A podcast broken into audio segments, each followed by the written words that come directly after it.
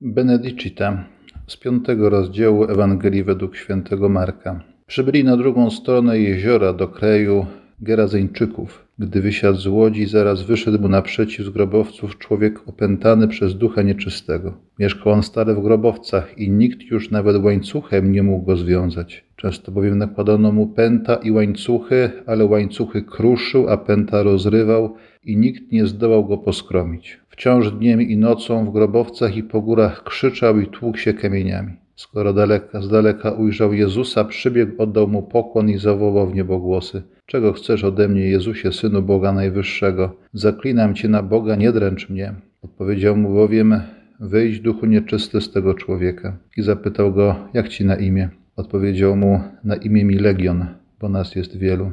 I zaczął prosić go usilnie, żeby ich nie wyganiał z tej okolicy.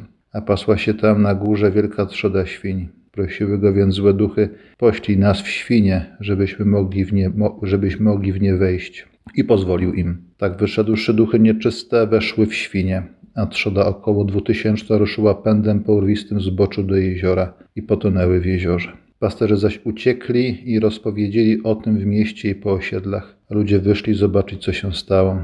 Gdy przyszli do Jezusa, ujrzeli opętanego, który miał w sobie legion, jak siedział ubrany i przy zdrowych zmysłach, i strach ich ogarnął. A ci, którzy widzieli, opowiedzieli im, co się stało z opętanym, a także o świniach. Wtedy zaczęli go prosić, żeby odszedł z ich granic. Gdy wsiadał do łodzi, prosił go opętany, żeby mógł przy nim zostać, ale nie zgodził się na to, tylko rzekł do niego: Wracaj do domu, do swoich i opowiedz im wszystko, co Pan ci uczynił i jak ulitował się nad tobą. Poszedł więc i zaczął rozgłaszać w dekapolu wszystko, co Jezus mu uczynił, a wszyscy się dziwili.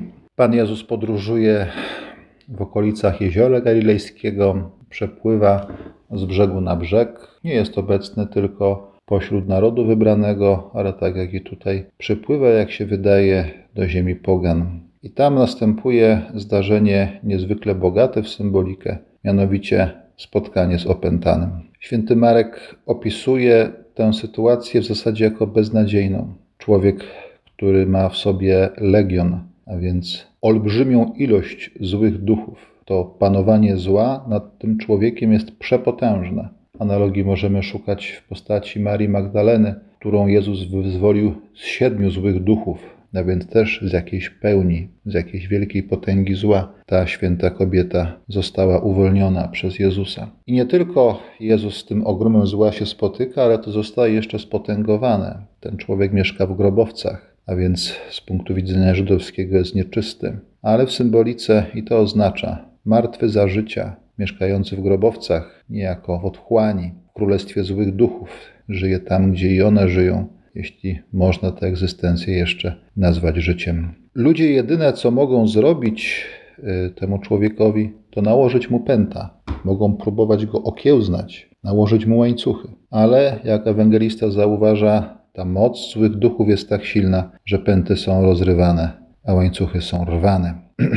Ludzie nie mogą mu pomóc, nie potrafią, nie chcą, Jedyne, co mogą mu zaoferować, to łańcuchy. I te łańcuchy go nie leczą ani nie powstrzymują. Jezus ma dla niego zupełnie coś innego. Jezus ma dla niego słowo. Jezus do niego mówi. Jezus z nim rozmawia. Jezus go uwalnia mocą swego słowa od tych złych duchów. Nie łańcuchem, nie przemocą, nie groźbą, nie szantażem, ale mocą słowa, a więc tą swoją, jeśli można tak powiedzieć, najpotężniejszą bronią, którą ma. Co byśmy dali, żeby Jezus przemówił i do nas, żeby wygonił nasze złe duchy, pokusy, które nas dręczą, całe zło, które za nami idzie z historii naszego życia, kiedy patrzymy też na zło wokół siebie, co byśmy dali, aby Jezus do nas przemówił, żeby nie trzeba już było stosować tych kajdan i łańcuchów, którymi próbujemy powstrzymać to wszystko złe, co się dzieje wokół nas. Można jeszcze kontynuować tę myśl, przypomnijmy sobie ikonę stąpienia do otchłani, uwolnienia Adama. Tam ikonografowie bardzo często pokazują pozrywane łańcuchy. Zresztą tak naprawdę można widzieć w tym początku piątego rozdziału jakąś daleką analogię, echo, może ikonę tego stąpienia Jezusa do otchłani, kiedy nie cofa się on przed wejściem w te mrok, noc śmierci, po to, żeby wyciągnąć człowieka, który jest niewtrzymany w niewoli przez szatana od stworzenia świata. Co więcej, ten człowiek uwolniony chce zostać z Jezusem. Jezus nakazuje mu iść do Dekapolu, po grecku Dekapolis, czyli dosłownie 10 poleis, Dekapoleis, czyli 10 miast. E, więc region bardzo zamieszkany i tak człowiek, który był w całkowitej izolacji, mieszkał w grobowcach, z dala od ludzi, od społeczności, tak zostaje posłany przez Jezusa sam środek tej ludzkiej społeczności i opowiada, jakie cuda Bogu czynił w jego życiu. To też obraz przemiany, obraz mocy Bożej łaski, która przejawia się może i w słabości, bo jedynie w słowie, ale niesie skutki o wiele bardziej dalekosiężne niż przemoc, symbolizowana tutaj przez łańcuchy i kajdany. Prośmy więc Boga o taką przemianę naszego życia, o to, żeby Jezus do nas przemówił, aby nas uwolnił od nas samych, od zła, które być może nas pęta, od przemocy ludzkiej, której jesteśmy ofiarami, być może sami i sprawcami, żeby od tego wszystkiego słowo Jezusa uwolniło, żebyśmy mogli, tak jak ów człowiek uzdrowiony, ocalony cudownie, opowiadać wielkie dzieła Boże.